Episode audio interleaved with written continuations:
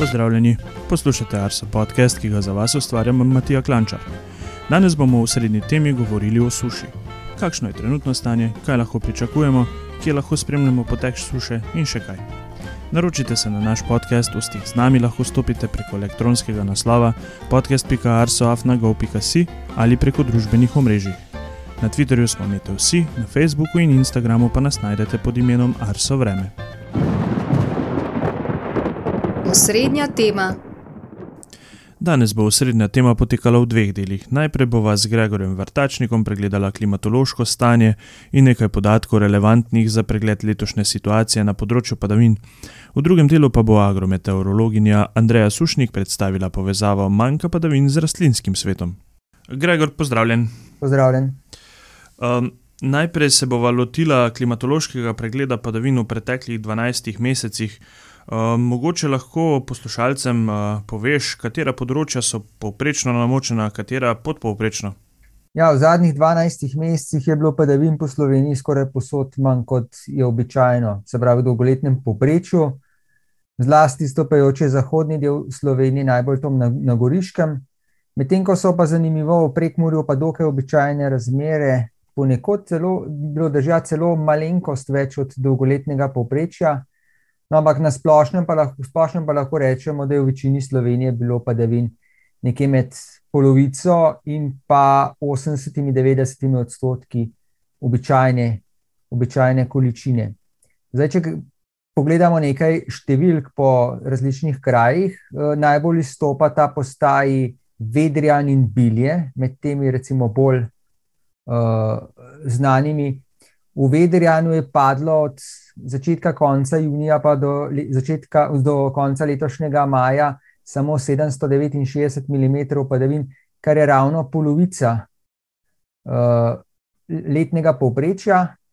In najbolj, doslej najbolj suho obdobje je bilo od maja 2006 do aprila 2007, ko je pa padlo 901 mm padavin, se pravi letošnjo z naskokom najbolj suho. Uh, padavin v prvih dveh tednih junija pa tudi ni bilo kaj dosti, tako da se tam suša še vedno nadaljuje z nezmanjšano močjo. Nekoliko boljše, pa ne dosti, so razmerje v Biljah, ki ležijo nekaj kilometrov južneje. S tem, da je bilo pa tam najbolj suho obdobje, doslej pa od aprila 2011 do marca 2012, ko je padlo 830 mm dežja, letos samo, pravi, te zadnjih 12 mesecih samo 719 mm. No, potem so nekoliko uh, boljše ali pa podobne razmere, če gledamo na klimatološko poprečje, recimo v Godnjah na Karasu, na letališču Portorož. Letališče Portorož je tudi ne, eden od krajev, kjer je bilo v zadnjih 12 mesecih absolutno gledano najmanj padavin v Sloveniji. Namreč od junija lanskega leta pa do maja letos jih je bilo samo 572 mm, letno povprečje pa blizu 1000 mm. Vendar pa to ni bil rekord, namreč od avgusta 2011 pa do julija 2012 je bilo padavin samo 515 mm. To so vrednosti, ki jih sicer v tistih najhujših sušnih letih, najbolj sušnih letih, eh, dosežemo samo na severovzhodu Slovenije, na eh, skrajnem prekmorju, sicer pa v Sloveniji običajno pade več kot 800 mm padavin v enem letu. Eh, sušne razmere, oziroma primankljaj padavinski, nekoliko manj izrazit v proti notranjosti Slovenije, eh, recimo na notranskem delu Gorenske, medtem ko se potem ta primankljaj proti vzhodu pa kar uh, hitro zmanjšuje. Zanimivo je, da Ljubljana je imela dobrih 1000 mm padavin v zadnjih 12 mesecih, kar je kar precej nad prejšnjim 12-mesečnim rekordom 905 mm ki je bil tudi na prehodu iz leta 2011 v 2012. Uh, na vzhodu, recimo v, v Mariboru, še bolj pa v Murski soboti, ne pa zanimivo, je bilo pa padavin od preteklih 12 mesecih 755 mm, no 12-mesečni rekord v Murski soboti pa samo 507 mm in je bil pa dosežen od septembra 2002 do avgusta 2003. Torej so razmere ponekod na primorskem oziroma zahodni Sloveniji zdaj rekordne, če gledamo 12-mesečno obdobje. V večini Slovenije so sicer eh, zelo sušne razmere, niso pa rekordne, so pa na severovzhodu pa večinoma kar normalne, oziroma je bilo padavin mogoče samo za odtenek premalo. Um, da si boste lahko poslušalci v te številke lažje predstavljali, bomo ob tej epizodi dodali tudi povezave na naše spletne strani. Um, na področju uh, podnebja imate zelo lepo objavljene aktualne grafe, kjer lahko v bistvu vsi si pregledate po postajah, uh, uh, kakšen je bil občutek vremena, oziroma koliko je bilo padavin, kakšne so bile temperature v zadnjih 12 mesecih. Um, in ja, dejansko Gregorjeve številke, Gregor, ki si jih predstavil, uh, so zelo ekstremne. Za zadnjih 12 mesecev, predvsem za ta uh, zahodni del Slovenije. Um, glede na to, da smo zdaj vstopili že v mesec juni, uh, polovica junija je za nami, uh, k sreči je tudi zahod dobil nekaj padavin, uh, pa me zanima, kako se je stanje kaj izboljšalo na tej uh, klimatološki sliki. Ja, v vzhodni Sloveniji je bilo padavin kar nekaj, ponekod na Štajerskem in Dolenskem celo blizu ali pa okrog 100 mm. V večjem delu Slovenije je bilo padavin manj, tam med 20 in 70, 80 mm. Eh, vendar pa so še vedno ostali na zahodu, recimo temu otoki, precej sušnega vremena. V Lescah je padlo samo 7 mm dežja, v Kneških ravnah nad dolino Bače 9 mm, celo v Ljubljani samo 23 mm in postojni recimo 17 mm, kar pomeni, da se v teh krajih, kjer je bilo padavin malo, sušne razmere stopnjujejo, medtem ko so se v precejšnjem delu vzhodne Slovenije pa izboljšale, se pravi, se stanje normaliziralo in tudi sicer. Zdaj, v stopu poletja na kar precejšnjem delu vzhodne Slovenije, ne beležimo nekega izrednega stanja v smislu namočenosti tav, se pa seveda skozi poletje to še utegne spremeniti. Um, morda pogledava še malce v preteklost. Um, prej si že omenjal tista rekordna leta, pri nekaterih postajih 12-mesečno obdobje z malo padavinami. Um, me zanima drugače, če vem, pogledamo recimo situacijo letošnjo, ali lahko mogoče na podlagi zgodovine, ki rečemo, kako se bo pa zdaj uh, to stanje vleklo čez poletje. Ja, te razmere, ki so letos, pa če gledamo daljše obdobje in se nekako omejimo na recimo 12-mesečno obdobje od junija do maja ali nekaj podobnega da imamo neko smiselno primerjavo. Lahko izpostavimo tri, se pravi, po drugi svetovni vojni smo imeli tri kar podobna uh, obdobja oziroma podobne sezone. To so bili z leta 1949 do 50, potem naslednja od leta, dva, z leta 92 na 93 in pa z 2002 na 2003. Kar je zanimivo v vseh teh treh primerih, je, da je bil marec vedno zelo suh. Tudi letos je bil zelo suh, so seveda v vseh teh primerih predolali suhi meseci. Da recimo, če začnemo s prvim obdobjem, to je leta 49 na 50, to je kar zanimivo, namreč tudi takrat je bilo v Sloveniji uh, kar nekaj, v nekaj letih je bila kar uh, huda suša po drugi svetovni vojni. Uh, leto 49 se je sicer začelo kar mokro, zlasti na zahodu, le na severovzhodu je bilo precej suho, No, potem pa so sledi, sledili kar trije suhi, oziroma zelo suhi meseci. Kar je zanimivo, februar 49 je bil marsikje na zahodu, kjer običajno po zimi vendarle pade kar precej padavin, je bil leta 49 februar posem brez padavin. Tudi marec ni bil dosti boljši, april je bil tudi še večinoma suh, le, le ponekod na severozahodu in severovzhodu je bil normalno namočen. No, potem je pa sledil k sreči normalno moker maj, Letos, na primer, je bil normalno moker, april pa je bil potem spet maj eh, precej suh. Juni leta 1949 je bil večinoma suh, vendar na srečo ni bilo takrat kakšne posebne vročine.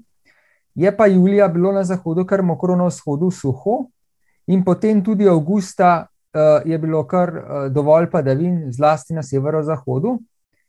Potem pa je spet bilo večinoma suho, bolj kot ne septembra in oktobra. Tako da leta 1949, kakšne hude poletne suše, k sreči ni bilo, da še je prišel še pravi čas. No, november 1979 je pa mokor, oziroma zelo mokor, se pravi, so se takrat pa vodne zaloge še vseeno kar obnovile, vendar pa potem sta spet sledila dva suha meseca, še posebej decembr 1949 je bil zelo suh. Uh, februar 50 je bil normalen, Potem je pa, kot sem omenil, sledil zelo suh, oziroma suh marec leta 50. April je bil takrat normalno namočen, podobno kot letos. No, sledil je suh, sledili so pa potem suh maj, juni in juli. In junija je ponekod na vzhodu padlo manj kot 30 mm padavin, to je za juni zelo suho. No, in v začetku julija, oziroma že konec junija, je leta 50 pritisnila pa huda vročina, in uh, hkrati, se pravi, ta vročina so padala s to hudo sušo, kar je bil seveda takrat velik problem. Nekoliko drugače je bilo leta 1993. Uh, oktober 92 se morda kdo od poslušalcev še spomni, da je bil izredno mokar. Takrat je v Ljubljani padlo, to je bil edini mesec v Ljubljani doslej, ko smo namerili več kot 500 mm padavin. November in december 92 nista bila nič posebnega. No, potem pa je, sledili, potem je pa sledilo kar cela serija suhih mesecev. Sušne razmere so bile pa če gledamo koledarsko leto, pa še hujše kot letos. Januar in februar 1993 sta bila izredno suha, praktično ni bilo omemne vrednih padavin. Tudi, na, tudi marca in aprila ni bilo dosti bolje, po celi državi, zlasti pa v severnem, severno-zahodnem delu je bilo nenavadno suho. Tudi maj je bil suh, na primorskem zelo suh in po, za povrhu še topo. No, takrat, če bi gledali na tist, pravi, tiste razmere maja leta 1993, bi sklepali, da bo po poletju udarila res huda suša, da bodo velike težave. A k sreči je junija um, v južnem delu Slovenije kar zmerno deževalo, na severu se je suša še nadaljevala. No, potem je pa julija bila obratna slika, da je bilo pa na jugu in vzhodu um, suho, medtem ko je bilo v severnem delu države bolj mokro. A k sreči pa je prišlo tudi do tega, da je bil julij kar precej hladen, kar je zanimiva kombinacija. Namreč Običajno poleti, kadar imamo sušne razmere, imamo tudi nadpoprečno visoke temperature. No, julija 93 je bilo obratno, potem je pa uh, bil spet dokaj uh, suh in sončen avgust, septembra in oktobra pa je bila spet velika moša, podobno kot leto prej. Tako da suša leta 93 sicer bila politika izrazita, a k sreči, vsaj junija in julija je bilo, recimo tam nekje količina padavin dokaj običajna, tako da ta suša vseeno ni bila katastrofalna, kot je bila pa recimo v naslednjem primeru z, uh, v sezoni 2002-2003, ko smo imeli najbolj vroče poletje doslej. Uh, začelo se je z januarjem 2003, takrat, ko je bilo zlasti na severozahodu suho, se pravi, na severozahodu se je sušno obdobje začelo z januarjem. Drugot je bil januar 2003 še kar zmerno namočen. No, potem februarja 2004 na začetku meseca še bilo nekaj snega, potem se pa kar začelo daljše obdobje suhega vremena, ki se je potem zavleklo v Smarec, ki je bil rekordno suh. Marec 2004 je bil rekordno suh, država je bilo res samo za ozorec. K sreči pa že začetku aprila v večjem delu Slovenije prišla obilna pošiljka padavin, tako da se je suša takrat začasno prekinila le na vzhodu je bilo padavin malo. No, in potem maja je bilo, zelo, je bilo že, že vroče, že v začetku maja smo marsikaj imeli na 30 stopinj. Eh, mesec kot celota je bil pa suh, oziroma zelo suh, zlasti na primorskem. Juni, julij, avgust pa praktično posod v Sloveniji, vsi trije meseci so bili presuhi, pa tudi močno pretopli, tako da ne preseneča to uh, poletje, da je bilo uh, izjemno tako stališča višine padavin, kot tudi temperature zraka. No, in ta suša iz poletja 2003 se je na zahodu vlekla še v september, ki tudi ni prinesel nekih obilnih padavin, vendar pa potem oktobra in novembra uh, skupaj padlo skoraj posod Sloveniji več padavin, kot je običajno, in so se vodne zaloge vsaj deloma obnovile. Imaš mogoče pripravljeno še kakšno drugo vremensko posebnost, eh, ki pritičajo tem obdobjem, ki si jih pripravil? Ja, leta 1950, kot sem že omenil, uh, je bila huda vročina ob koncu junija in pa prvi teden julija. Uh, 5. julija smo na večini meteoroloških postaj izmerili temperaturni rekord, ki je držal vsaj 30, ponekod pa celo več kot 50 let. V Ljubljani je bilo takrat 37,6 stopinj Celzija, V Črnomlju smo izmerili takrat 40,6 stopinj Celzija, pri čemer pa treba omeniti, da, je, da to ni bila najvišja temperatura tisti dan, ampak temperatura ob 3. uri popovdne po poletnem času, ker takrat merilna postaja v Črnomlju ni imela tako imenovanega maksimalnega termometra in ne vemo točno, kakšna bo zares najvišja temperatura. In naslednjič smo se tem vrednostim približali ali dosegli šele sredi avgusta 2003, še bolj pa potem avgusta 2013. Uh, je bil pa to, k sreči, takrat leta 50, edini tako zelo hud vročinski val, se pravi, tistih dni, nekaj dni na začetku julija, ko je bilo marsikje v vzhodni Sloveniji tudi nad 38 stopinj Celzija. Potem je vendarle bilo nekaj, nekaj dežja v večjem delu Slovenije, tako da se je ta suša nekoliko uh, unesla.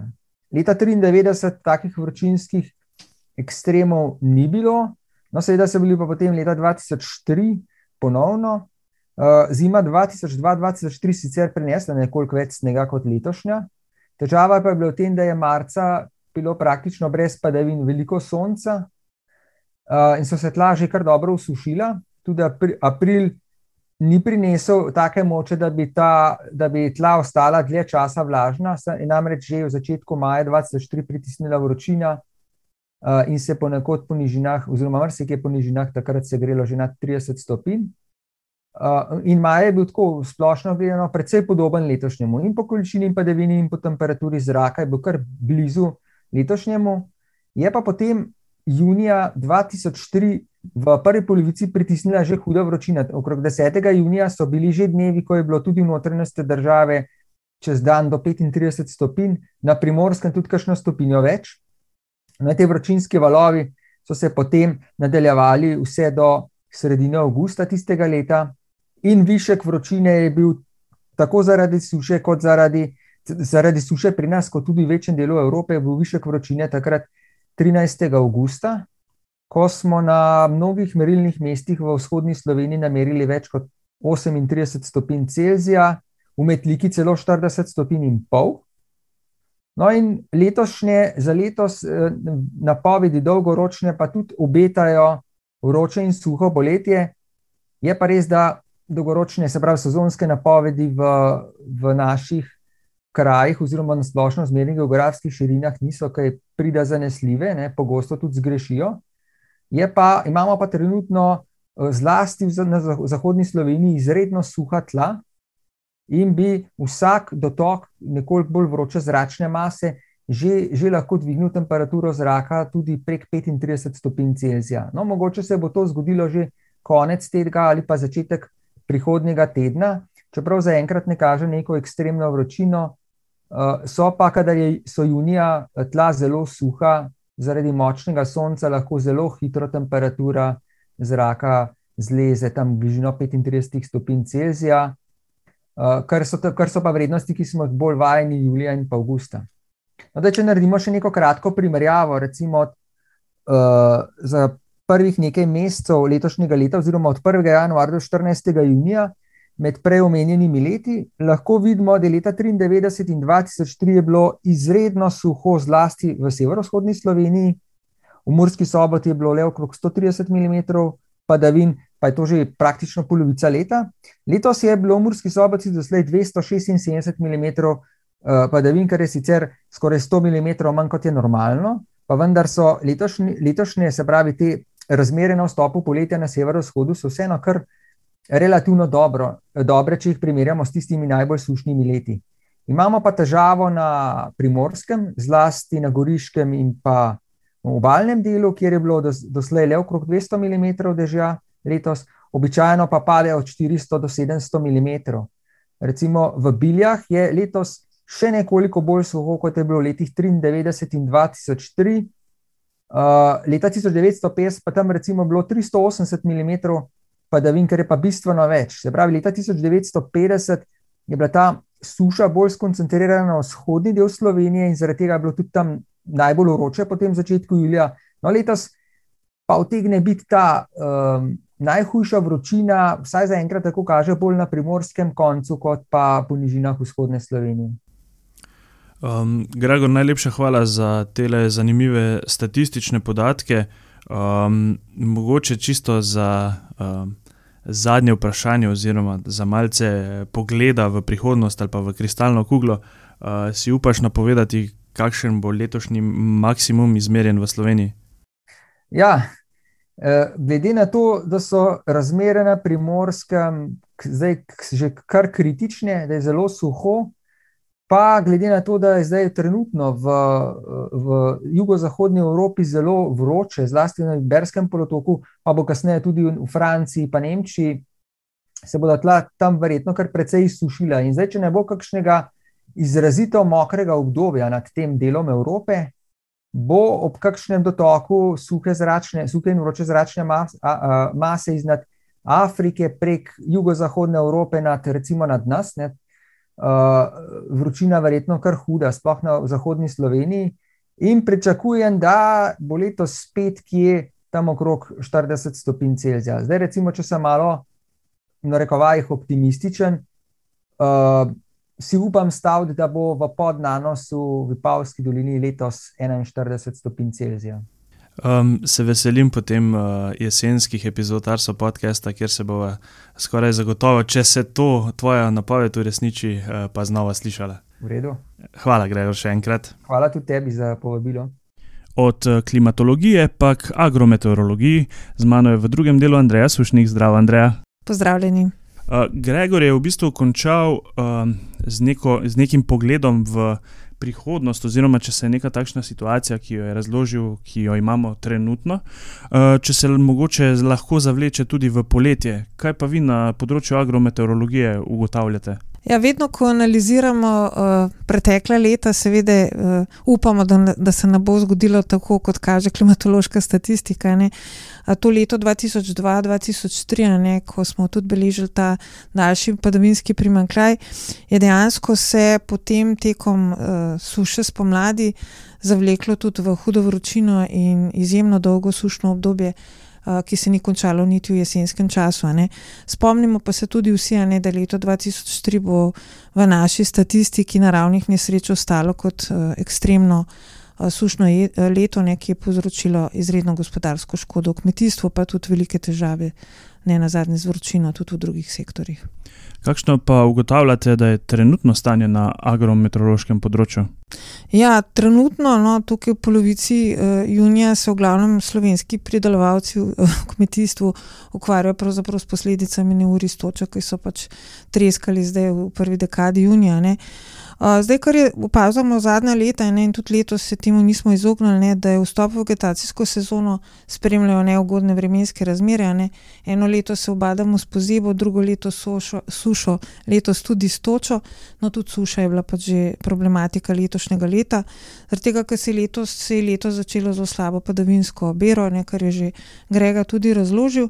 In dejansko to ni dobra popotnica za vegetacijsko sezono. Eh, edino močen mesec, ki je bil, je bil april, ne, takrat so pač uh, rastline malo uh, vzele sapo, mogoče zadihale, ne.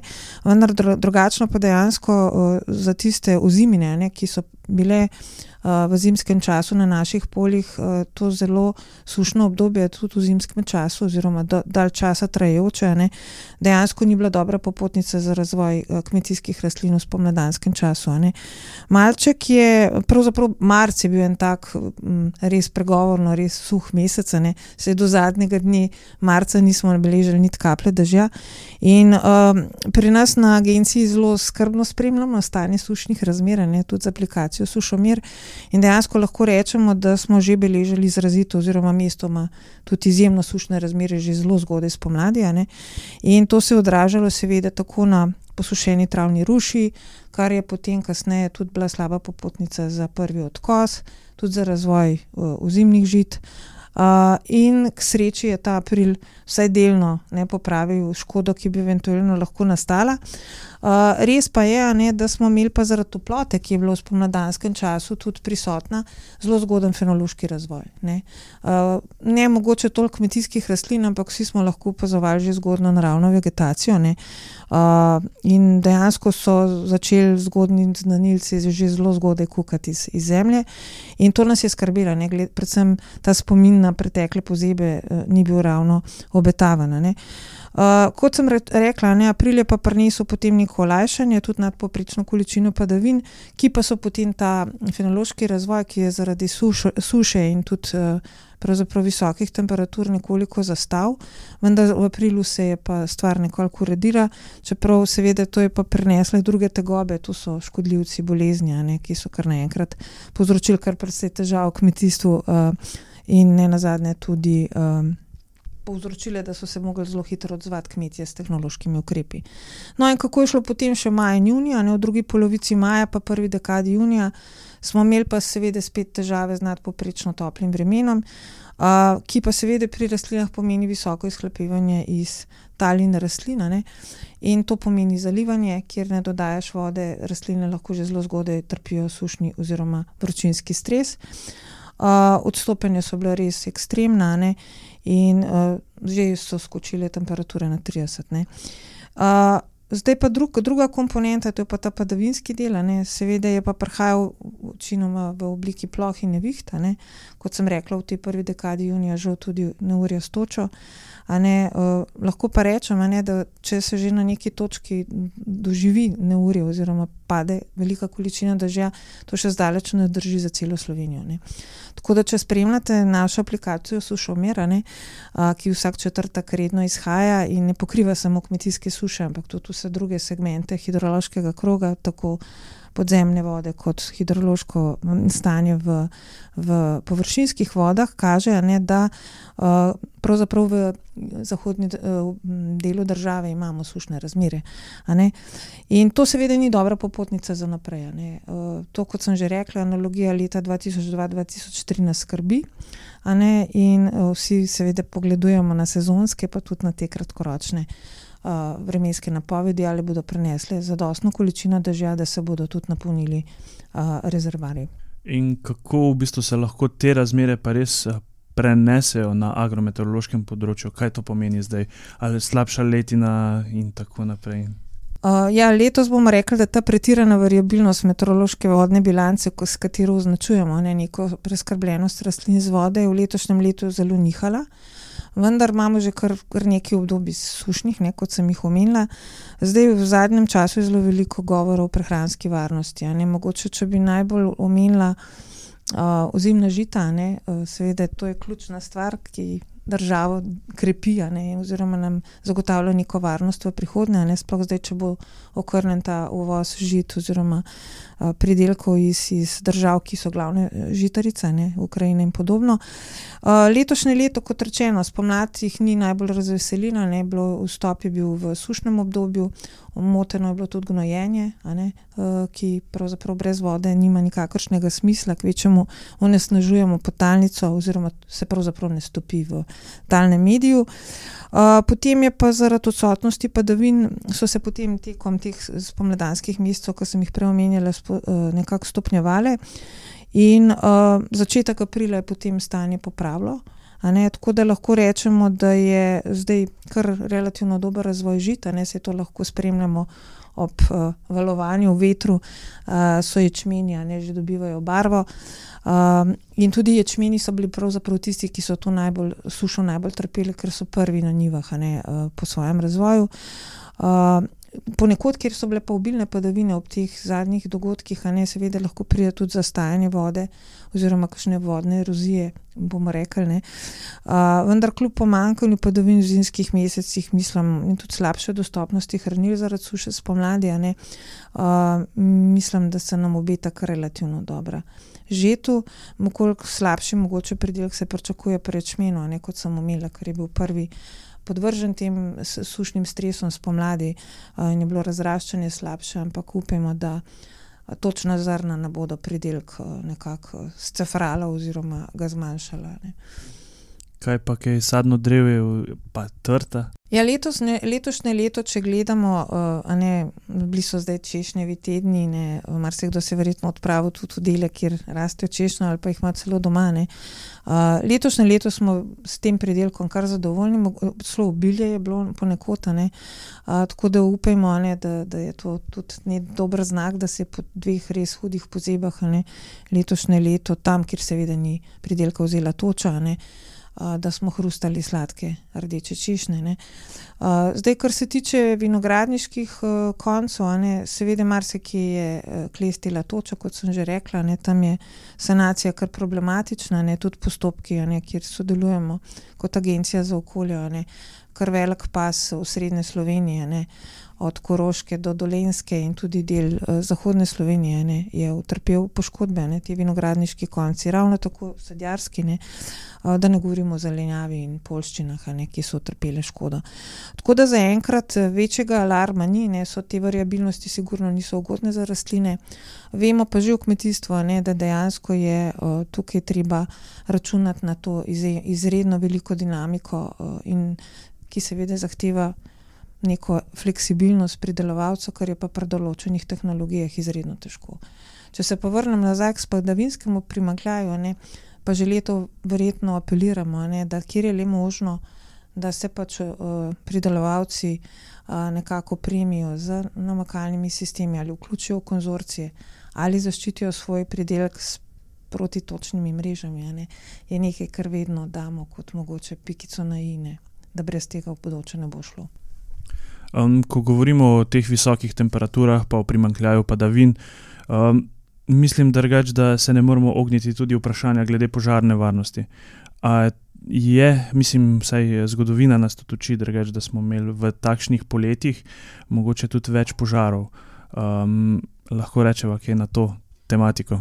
Ja, absolutno. Ne. Tudi na naši spletni strani lahko uh, javno spremlja ne, stanje uh, požarne ogroženosti. Ne. Tudi trenutno, ne, sredi junija, so določene regije v rdeči coni, ne Gorenska, naprimer, ne, tudi ostale regije kažejo znake srednje nevarnosti, tveganja za požarno ogroženost. Seveda, ena komponenta, poleg meteoroloških spremenljivk, ki so vključene v izračun indeksa pač požarne ogroženosti, je seveda stanje vegetacije. Res da, da je marsikateri požar bomo rekli, stvar tudi človekovih ostalih dejavnosti, vendar sigurno je suha površina, ne dober medij, da se požar lahko hitreje širi in k temu pa lahko pogosto pomaga, pomaga tudi veter, ne, ki tudi če je stvar manjšega obsega, ne, lahko veter doprinese k širjenju na večjo površino. Tako da previdnost nikoli ni odveč in tudi ta trenutek je stanje ogroženosti v nekih regijah kar visoko. Glede na to, drugač, da se s poslušalci ne bomo slišali uh, julija in avgusta meseca, uh, pa da je takšna tematika, ki bi verjetno res zanimala uh, večji del poslušalstva, uh, kam jih lahko usmeriva. Prej si že omenila projekt Sušumer, v katerega sva oba dva upletena, um, pa recimo tale indeks požarne ogroženosti. Uh, je še kakšna takšna stran, ki bi jo priporočila za spremljanje, uh, da jo lahko v bistvu tudi dodamo ob uh, povezavam k tej epizodi. No, definitivno je mogoče še nekaj besed o našem sušomiru. Ne. To sušomir pravzaprav je neko sodelovanje ekipe znotraj Arso. Uh, in sicer tukaj smo se povezali, pravzaprav vsi segmenti ne, našega delovanja, kar se tiče vodnega kroga, spremljanja vodnega kroga.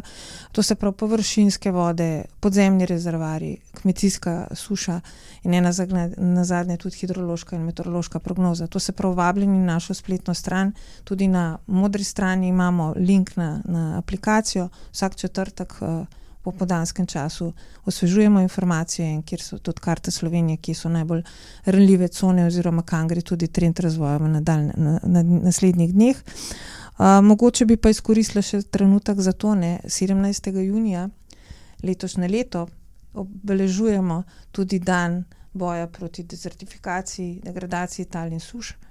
Uh, letošnje leto je specifično posvečeno uh, suši in nekako pravi, da okrepimo Eh, naš izhod iz, iz suša, kar pomeni, da to mednarodno sodelovanje, kamor seveda, kar je upleten tudi Arso in vse te aplikacije, o katerih smo ravno govorili, ne, uh, zelo vljudno vabljeni vsi poslušalci, ne, da res obiščajo te spletne strani, kot si že omenil, tako uh, pač kartografijo uh, požarne ogroženosti, stanja suše.